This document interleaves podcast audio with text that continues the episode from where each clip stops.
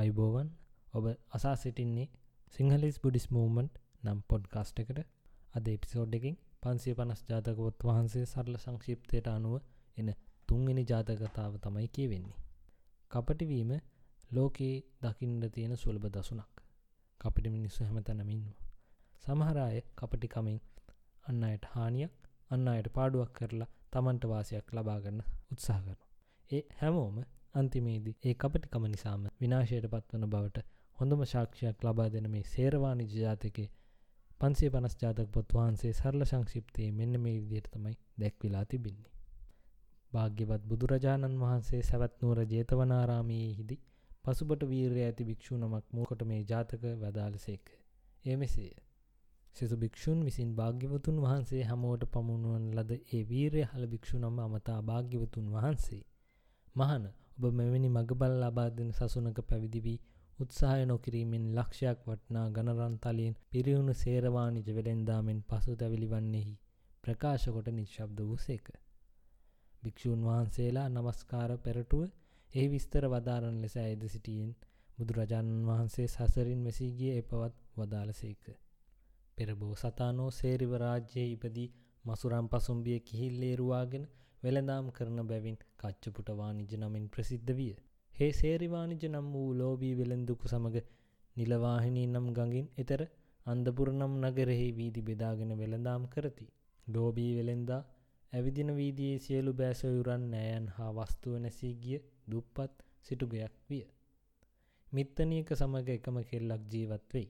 එහි බලන් අතර මල බැඳුණු පැරණි රන් බව කිසිවෙකුත් නොදත් රන්තල්යක් විය. ලෝබී වෙළෙන්දා කදාවලුළු ගන්නේ කෑගසමින් එහි පැමිණියේය. දැරිය ඔහු දැක මටත් පළඳනාවක් කරන් දෙන්නයි මිත්තනයට කීවාය. දුප්පත් අපි කෙසේ ගනිමුදැයි කීයෙන් අපට කිසි පලක් නැති මේ තලියදී ගමුයි දැරේ කීවාය. ඇගේ බලවත් ඇවිටිලි නිසා වෙළෙන්දාට එම තලියදී අතින්ගෙන රන්තලියක් වෙතයි. ඉරක් ඇඳ බව බලා මොවුන්ට කිසිවක් නොදී ගෙනයමි. මේ කුමක් වටීද මංචාටි භාගයක්වත් නොවටි යයි බිම දමාගියේ. කෙනෙකුන් වෙළඳාම් කොට පිට වූ වීදිය අනිකා යෑමෙන් වරදක් නැතැයි සිතූ බෝසතානෝද එහි පැමිණියහ. දැරිය පෙරසේම පළඳනාවක් අරන් දෙන ලෙස මිත්තනයට ඇවටිලි කළාය. මිත්තනිය දරුව පළමු වෙළැන්දා තලිය බිම දමාගියේය තැන් කුමක් දී ගනිමු දැයි කීවා. එවිට දියනිය පළමු වෙළෙන්දා තදපුරුෂ පෙනුමක් ඇත්තේය. මොහු ප්‍රියමනාප බව පෙනේ. එබැවින් තලියදී පළඳනා ගනිමුයි කීවාය. ඉක්බිති වෙළෙන්දා කැඳවා තලියදී පෙන්වා යාම්තම් දෙකක් හෝදී ගෙන යන්නයි කීහ.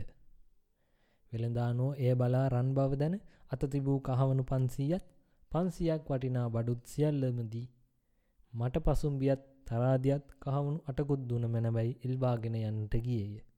ගොස් තොටියාට කහවුණු අටදී එගොඩවීමට ඔරුවට නැංගාහ. ඒ අතර ලෝබී වෙළෙන්දා නැවත සිටු ගෙදරට ගොස් තලිය දෙව යන්තම් දෙකත් දෙමී කිය. ඔවුහු මංචාඩි භාගයක්වත් නොවටිනා බව ඔබ කී තලිය පසුවාර දැහැමි වෙළෙන්දකු විසින් දහසක්මදී ගන්නා ලදයි කීවාහුය.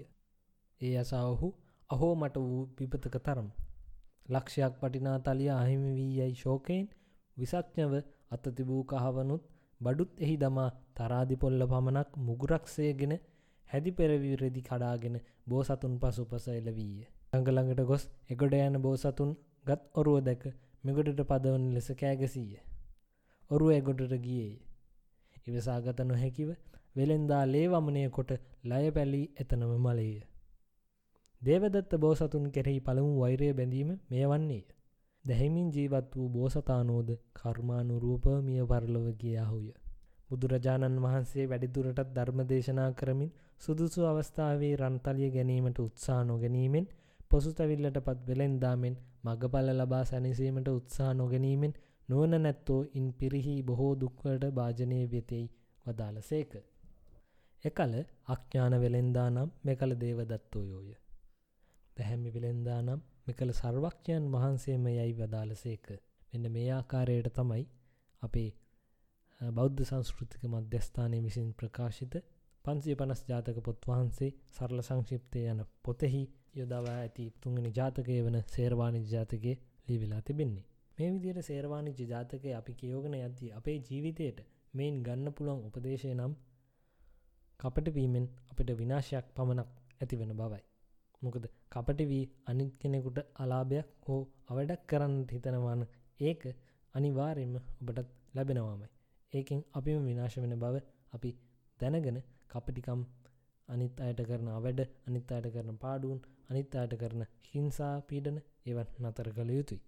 මේ සේරවානිජ ජාතකයේ ඉතාමත් ප්‍රසිද්ධ වෙන්න තවත් කවරුණාවක් වෙන්නේ මෙන්න මේක තමයි දේවදත්ත ස්තීවර එමනත්තන් දේවදත්ත ගෙන අපි කවුරුත් දන්න චරිතය බුදුරජාණන් වහන්සේ එක්ක එහෙම නැත්තං බෝධිසත්වයාණන් වහන්සේ එක්ක වෛරයක් බැඳගත්ත පළවෙනි අවස්ථාව. වෛරයේ තියෙන ආදීනව පෙන්නුම් කරන්න හොඳම උදාහරණයක් වන්නේ මේ සේරවානිජ චරිතය කච්චපුට වානිජ නම් වූ චරිතයට බැඳගන්න වූ වෛරය. දිගින් දිගට මැවිල්ල අන්තිමේදි දේවදත්ත ස්තීවරය අපායට ඇදගෙන යනොත් තැනටම යනවා. මේ වෛරය කියන එක දිගින් දිගටම වැඩීගෙන වැඩීගෙන යනවා මිස අඩුවෙන්නේ නැහැ අපි හිතලා අඩු කළේ නැත්තා. ඉතිං කපටිකම නැති කර ගැනීමත් වෛරය නැති කර ගැනීමත් තමයි මේ සේරවානිජ ජාතක ඇසුරෙන් අපේ ජීවිතයට ගන්න පුළන් හොඳම උපදේශයන්. ඉතිං මේ පොඩ්කාස් එපිසෝඩ් එක දැන් ඉවර වෙනවා. මේ පොඩ්කාස් එපිසෝඩ් එකේදි කතා කරපු සේරවානිජ ජාතකයෙන් අපේ ජීවිතයට ගන්න පුළන් උපදේශයන් අරගෙන හිතේ රඳවාගෙන ඊළඟ එපිසෝඩ් එකෙත් හමුවන බලාපොරොත්තුවෙන් මම නවතිනවා. තෙරුවන් සරණයි.